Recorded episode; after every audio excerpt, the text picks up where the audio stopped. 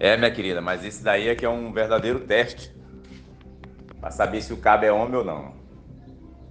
O cabo para comer uma mulher dessa aí, uma coisa dessa daí, exagerada, ele tem que ser caba homem.